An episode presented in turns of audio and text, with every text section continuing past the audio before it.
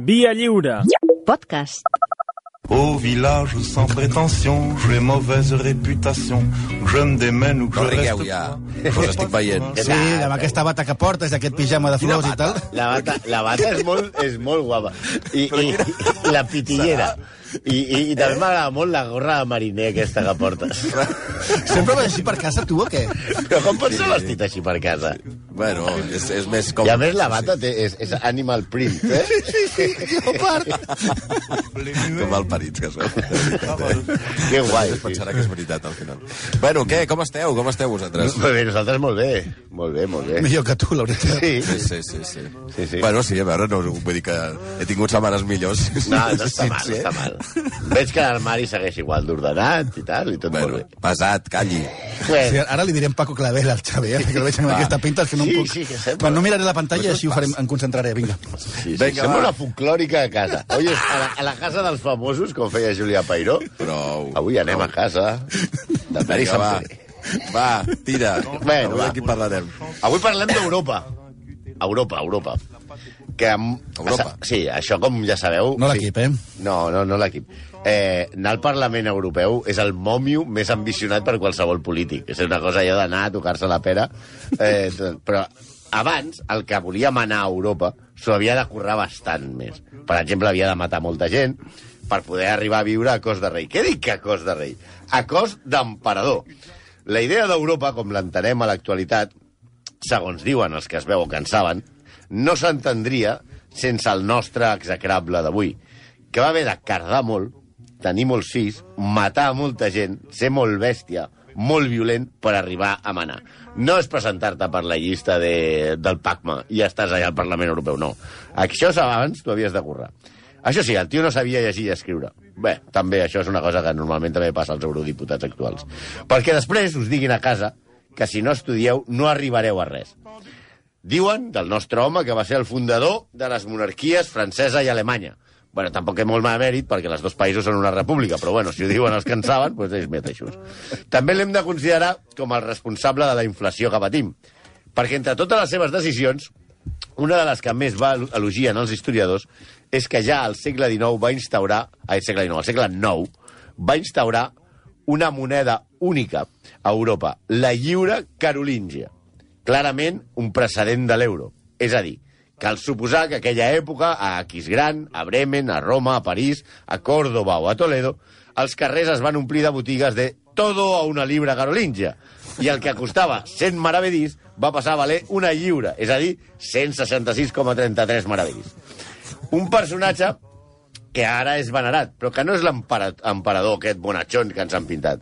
De fet, a la Segona Guerra Mundial, els voluntaris francesos, la majoria putos fans del puto PSG, van fundar la 33a divisió de granaders SS Voluntaris Charlemagne. En fi, Ui. que avui tirem alt i parlarem d'un home que és tot incògnita i el que li agradaven les dones amb noms rotuns. Com tots imagineu, parlem del Imperator Romanorum Governans, Carolus Magnus, més conegut com Carlemany. Es para ti este cantar, tu maño tú que sin hablar me diste leña el día que... El nostre protagonista d'avui és molt misteriós en multitud d'aspectes. Comencem pel nom. Està clar que es deia Carles. Carl, en homenatge al seu avi, Carles Martel. Carles canvia, Carles Carles repara... Carles No es Martel. Carles, és Carglas. Carles, Carles Martel, Carles Repara. Prou. I hem trobat més de 30 noms diferents. per culpa, perdona, eh, Malcolm, per culpa de la conya aquesta, els de Carglass van haver de canviar l'anunci Sí. perquè es van adonar Però que si era un- semblava que era Carles, Carles Rapaz. Pues era una genialitat i ningú no va fer a propòsit. de Carglass. Pues, pues era acá, Carles, que Carles canvia, Carles repara, Carles I tothom Martel. buscant el Carles. On és el Carles? Carles, sí, Carles, no el trobo per internet. No, però, de fet, hem trobat més de 30 noms diferents segons l'idioma, eh? Per exemple, en castellà és Carlomagno, que sembla un conyac, no? Sí. En un català... poco de Carlo Magno es mucho. En, En Copa. en copa Carlo de Magno. balón. En, Que en Copa, qué bien se porta. en català és Carlemany, com el premi literari. En alemany, Karl del Grosse. En francès, Charlemagne, que sembla un, un, un xampany. o Charles Legrand, que sí. aquest sí que sí que sembla un del puto PSG, però el nostre favorit, i d'aquí ve la cançó de Paco Ibáñez, és el nom sí. pel qual se'l coneix a l'Aragó. Carlemaño que és nom de monologuista que cada estiu actua a les festes de Lechago, Calamocha i Giloca. Carlemaño. Ja, però és que ja, todos ustedes, Carlemaño. Jo és que ja, ja no, no, yo només m'ho imagino amb Maño, año. Jodó, Carlemaño, que vas a conquistar todo el continente. Ay, vamos, para, que vas, para, para, que vas, te vas, aquí, aquí, gran, hombre, para. Carlemaño. Bueno, és un Carlemaño, si tenim problemes amb el nom, que per cert, en danès, per si sé que t'interessa, perquè Molt. sempre esteu dient que, i aquí que està la Mireia davant, Dinamarca és l'admirall on ens hem de, de mirallar i tot això. Sí, sí. sí és Carl Den Store. Carl Den Store. Sí, que, que sembla una botiga d'aquestes Sí. de- d'informàtica. Sí, sí, sí. No, eh, amb el seu aspecte, amb com era, tampoc ens aclarim.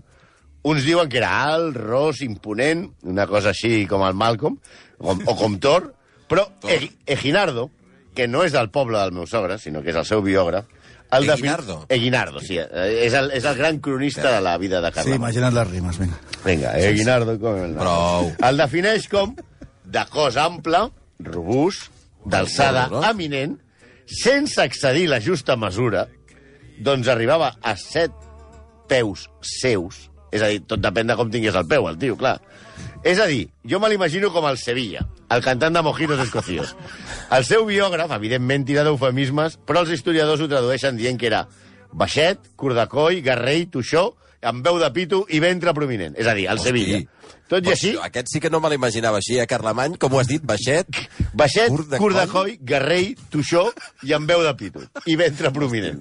Que gros. De fet, va tenir 20 fills amb aquest cos, eh? Sí, sí, sí. sí és un sí. que té ser rei, també t'ho Sí, dic, sí, eh? que Sí, home. Bueno, les cròniques de l'època afegeixen que també era un desastre vestint-se. Aquí estem molt a favor d'ell. Eginardo... Bueno, tu, no com tu, que tu vas molt a la gana no, avui. no, no, no tenia print. deixeu-me en pau, ja. Eh? Eh, però Eginardo, tinc. amb el seu lèxic, escriu els vestits, per fermosos que siguessin, els descartava només un cop, per petició del pontífex Adrià, i un altre davant dels plecs del Papa Lleó, es va vestir la llarga túnica i la clàmide i va utilitzar el calçat a l'ús romà.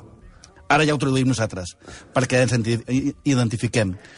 És com ens passa a nosaltres el típic tio que quan surt de casa la seva dona li diu no pensaràs baixir amb aquesta pinta, no pensaràs baix- sortir de casa amb aquesta pinta, no pensaràs baixar amb aquesta pinta. O sigui, ja sabeu, que obres l'armari i si és de la teva talla, va bé. Així, així és com es vestia el gran Lebowski.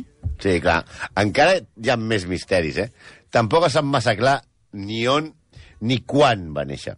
Sabem que era net de Carles Repara, Carles Canvia, Carles Martel, i fill de Pipino el Breu. això de Pipino el Breu, que això segurament els de l'ESO no us ho van explicar, però nosaltres els de EGB sí, eh, no ens van acabar de dir per què li deien Pipino el Breve, que és per fèiem en castellà. Els catxondos li deien així perquè era molt baixet. Sí, era, aquello de, era, era, un home baixet i li deien, per això li deien Pipino el Breu. Però es comenta que els seus col·legues, ja amb més confiança, li deien Pipinillo. Però això no està, això no està, no, està, no està contrastat. Generalment es fixa la seva data de naixement als 743, però segons qui consultis, perquè aquí hi ha hòsties entre els historiadors, es fixa també el 742, el 747 o el 748. És a dir, és el típic jugador nigerià que fitxes per vídeo que et diu, m'adeixo dos metres i, i, i tinc 16 anys. Però després resulta que, que el tio té 35 anys, els genolls com un sorajero i no acaba de fer res. Sí, ell era una mica al contrari, perquè ell deia, tinc 20 anys, però feia mig pam i tenia la veu d'un nen de 5, eh?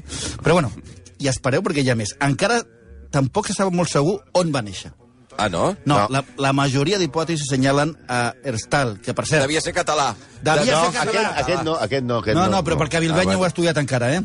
Però va, va, néixer, diuen que va néixer Herstal, que per cert va cinquè a la, a la, a la tercera divisió belga. Sí, però no, tam- no va bé l'estat aquest any. no, no, però també... Dada in, absolutament innecessària. Totalment. Totalment, totalment. Per això som aquí. Però sempre hi ha gent d'aquests analistes de futbol que poden Sí? trucar i. Hosti, sí, sí. sí. El- el- L'interior dret del hairstyle, eh, Puríssim. canela, eh? El futbol Canyella. cookie, el futbol El cookie s'ha- necessitem, el necessitem, sí. sí.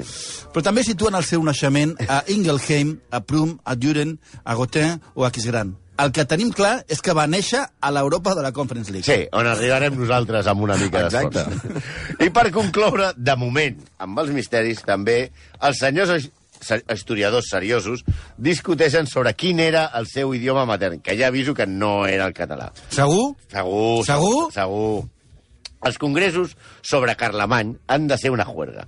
O sigui, tu imagina't, són senyors que deuen ser historiadors especialistes en Carlemany, superavorrits la major part de l'any, que fumen en pipa i deuen beure eh, moscatell en copes petites i menjar galatetes, però quan arriba al congrés es tornen historiadors ninjas, que s'odien entre ells. Herstal no! Va néixer Prum! No! I, I també discuteixen hores sobre si de petit parlava i a ti, frisó occidental, que no el parlen ni les vaques, o una de les 450 variants d'un dialecte germànic absolutament perdut.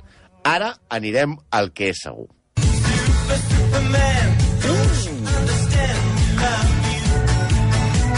Tinc al cap cada cop que sento aquesta cançó, no sé si era un cap d'any o què, Tomàs Molina, amb perruca, ho recordeu? Ho heu vist vosaltres a No. TV3? No sé si No, no, cap d'any no, no què. tenim aquest- Gràcies a Déu Aquesta no no. És com veure tot Ballant el aquesta cançó. Animal Print. Jo normalment al, cap d'any ni miro la tele, estic dormint.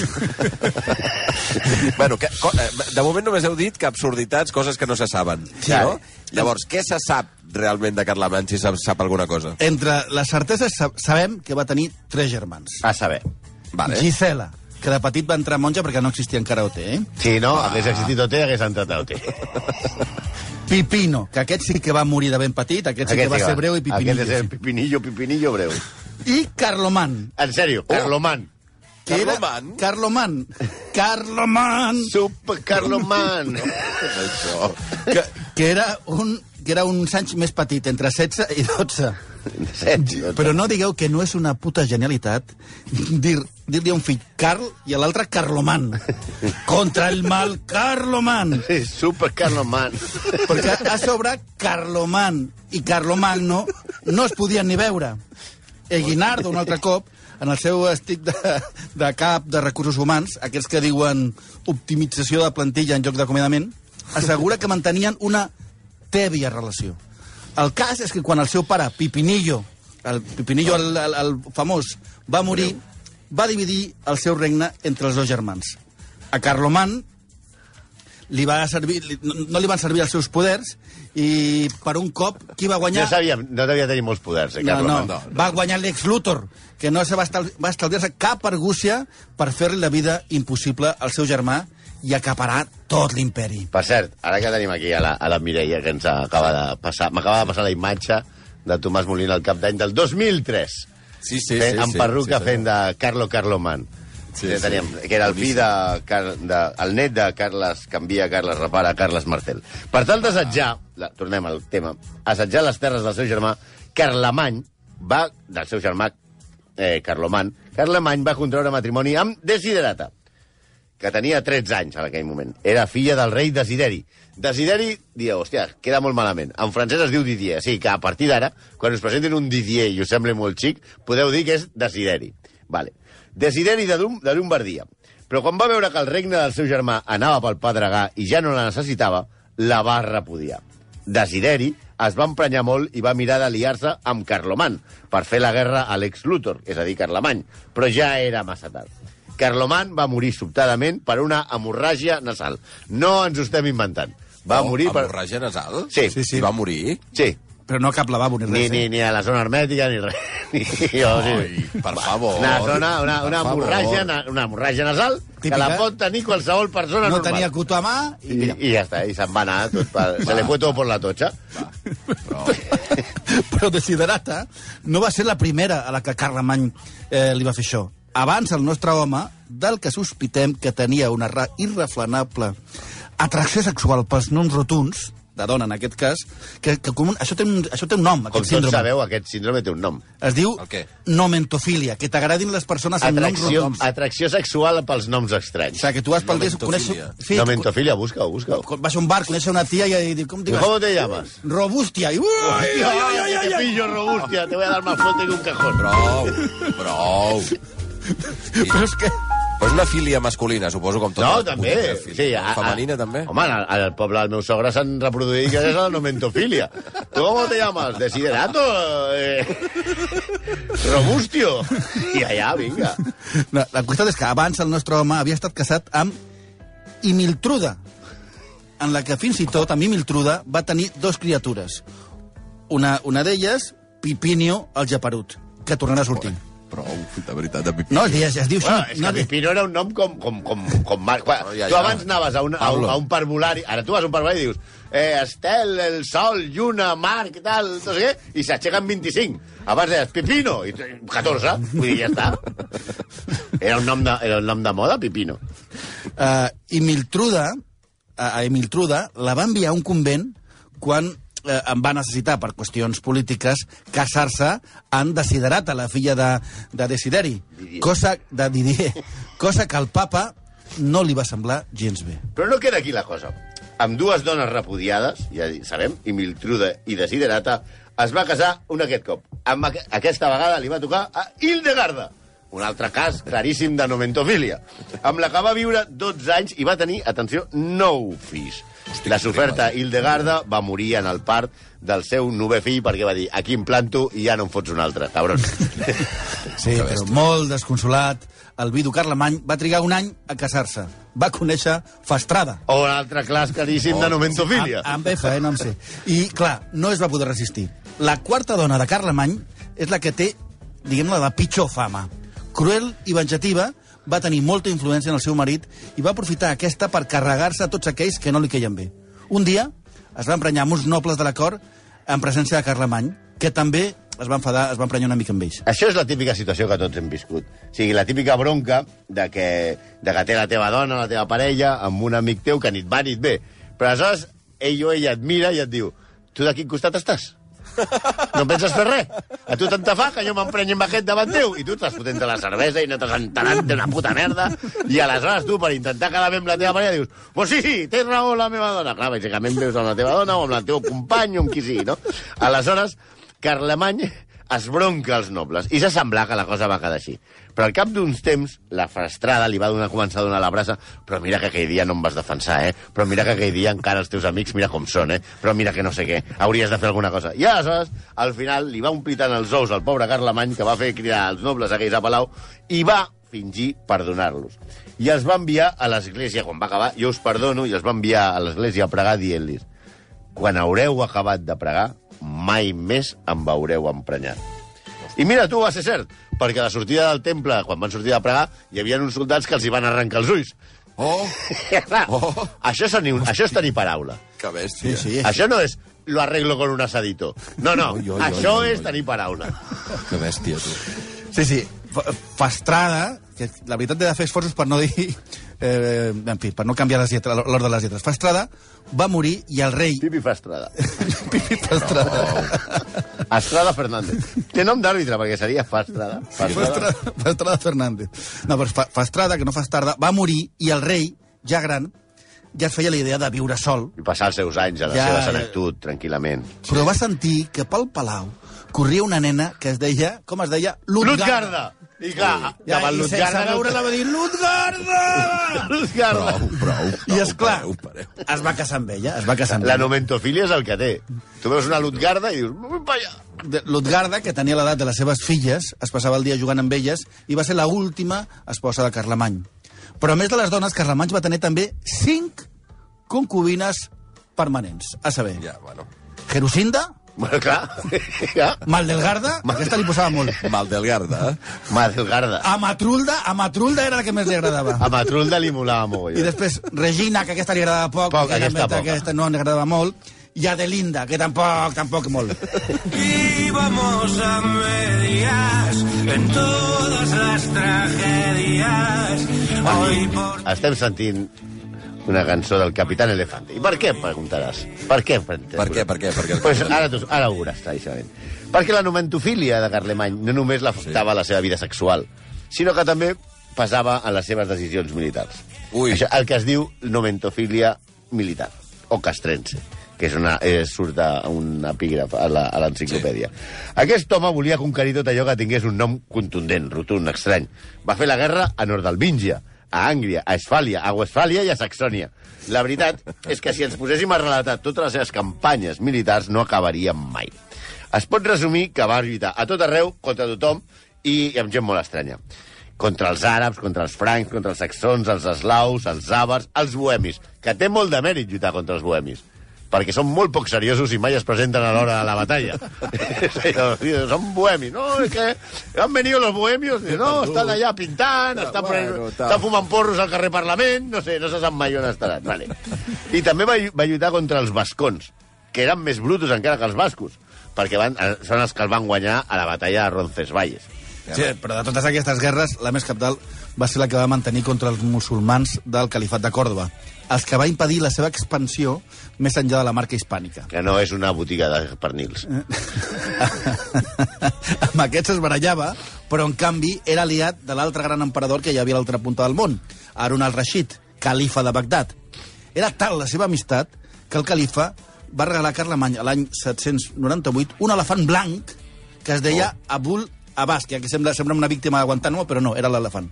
Un regal impressionant, i ara preguntareu, amb raó, com s'envia un elefant de regal Blanc. de Bagdad a Kirguizistan? Penseu que no hi havia... Al, sec, al segle VIII, eh? Sí, sí. sí. sí. Sí, sí, no, Lo- no, lo- no, no, no era segur, eh? M'envia aquest elefant, eh? No, No. quan, va anar, quan va anar al Rashid a, a, a agafar l'elefant, li va dir, li, li emboliquem per regal, li va dir, no, Sí, sí. no l'emboliqui, que l'enviaré a- a- al senyor. Diu, Mira, doncs mireu, s'envia amb paciència. Va trigar 3 anys en arribar de Bagdad a Aquisgrán. Va viatjar per mar, amb un vaixell, òbviament, acompanyat del seu mahut, que el mahut és el que, el que guia l'elefant, un jueu anomenat Isaac. Va desembarcar, finalment, a Porto Venere, van passar l'hivern a Vercelli i amb la primavera van creuar els Alps. L'elefant devia pensar aquesta història me l'explicava el meu avi, que va anar a muntar l'Aníbal al fill de puta i li va fer posar per muntanyes amb neu i no... no, no bueno, finalment, l'any 802 va arribar l'elefant a la cort de l'emperador. Imagineu-vos, passant pels pobles d'aquella de la- de l'Europa de l'edat mitjana, un elefant allà, blanc, però clar, el destí de l'elefant, com no li havien inclòs les, la, el llibre d'instruccions per tractar l'elefant, el pobre elefant va acabar morint de pneumonia després d'haver-lo tirat al riu Rin perquè nadés una miqueta. Ningú vol calcular, no?, que de, de Bagdad a... Hi ha una diferència de temperatura. Sí, un palet. Sí. Igual un elefant blanc... Aquesta història sí que és trista i no la de Dumbo. Sí, sí. Però pel que hem explicat fins ara, ja veieu que el nostre home no és, seria un, diguem-ne, un exemple d'home d'església, no? Assassí, cruel, follado, mantide i aprofitat. Bueno, Bueno, també, potser sí. potser sí, també hi ha molta gent a l'església, això. Potser sí. Bueno, el cas és que no s'ho perdeu. El van fer sant. Sí, Sant. Sant, Sant Carlemany, és veritat, el van fer sant. A veure, és que Carlemany va posar les seves millors habilitats a treballar per l'Església. I això li va fer guanyar molts punts. Per exemple, va, con va conquerir Saxònia, no? I quan conquereix Saxònia, va ordenar a tots els saxons que es bategessin i que celebressin les festes cristianes i que deixessin de cremar els seus morts sota la pena de mort. I per donar exemple va decapitar 4.500 saxons al que és coneguda com la matança de Verden. Eh, 4.500 que són. Això a Déu li agrada. Però el que va fer... Però, de fet, el que va guanyar més... Pel que va guanyar més, més punts va ser quan els romans van atacar el papa Lleó III. Que, va, que, que van intentar... Lleó 3. Que van, Ya, Yago 3, Ponferradina 1. Un 1 en la quiniela. Deu ser tercer, deu ser tercer dic jo. Tercer, no? tercer, tercer. Però que quan van, quan van intentar arrencar-li... O sigui, els, els, els romans van intentar arrencar-li els ulls i la llengua. Perquè aquí tenien una obsessió amb els ulls. veritat, Això també, quan diu que critiques al papa, dius... Aquí diuen, no, és que el papa no sé què, i et foten una bronca. Abans anaves i dius, te voy a sacar los ojos y la I la lengua. sí, sí. Ca payo, Però, papa. el, però, el, però el papa, que jo ja li diré tres perquè és el que porta el seu dorsal, va aconseguir fugir i va demanar ajut a Carlemany, que va tornar a Roma i va restaurar el papa i, que, i què, va, què va fer el papa? El va fer emperador del Sacre Imperi. Fins aquí podem dir que no passa res massa normal. Hi ha un tio que intenten treure els ulls al papa, li treuen la llengua, el papa sí. torna... Va, va, és normal. Però és que ja hi havia un emperadriu.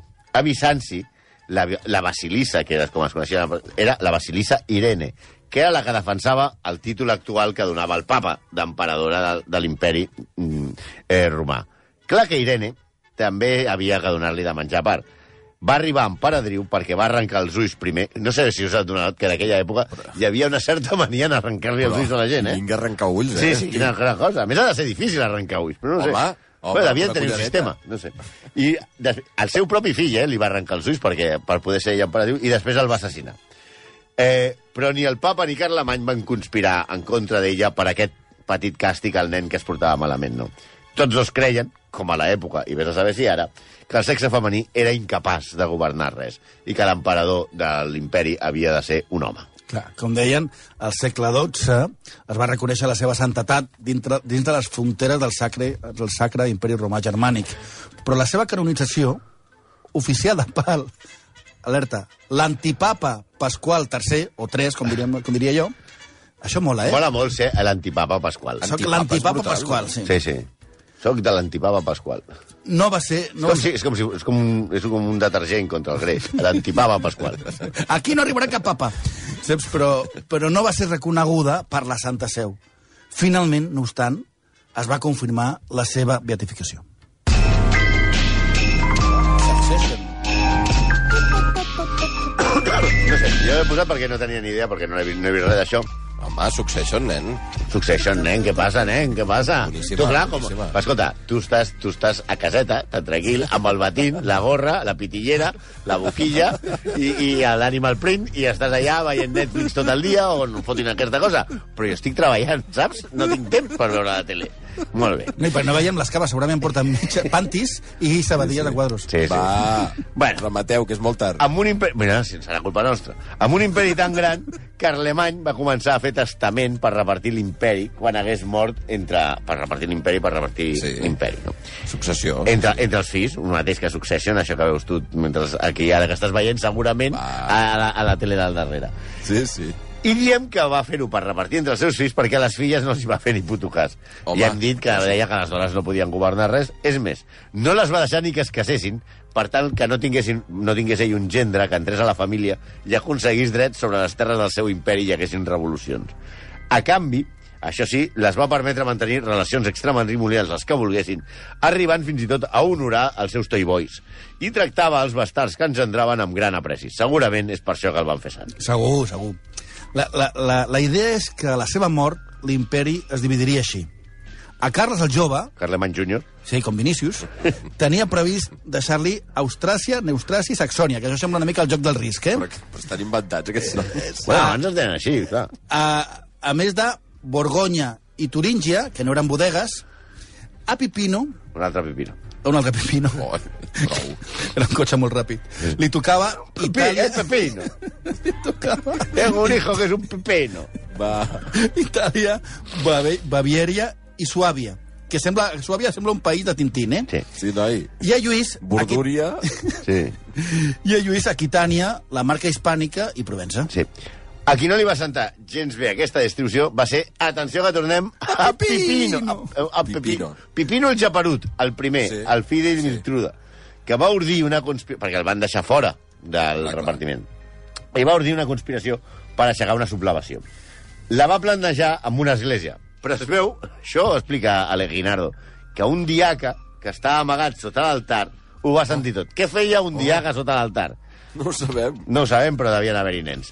I va, al final, va acabar, ho va explicar tot i es va arxivar.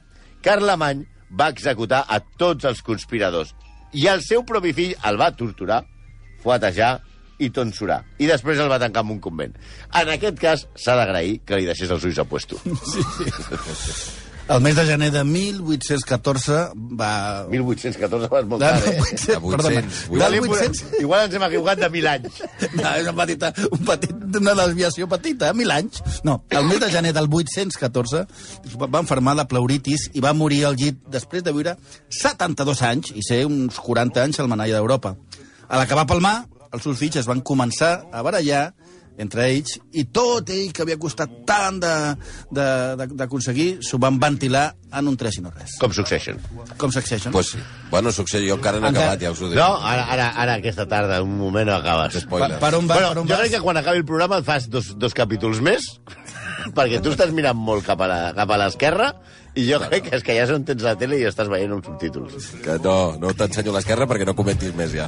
Au! Oh, execrables. què- què tindràs, Aneu què passant. tindràs? Hala, Aneu passant. Cuida't. adiós, adiós, adiós. sauf les aveugles, bien entendu.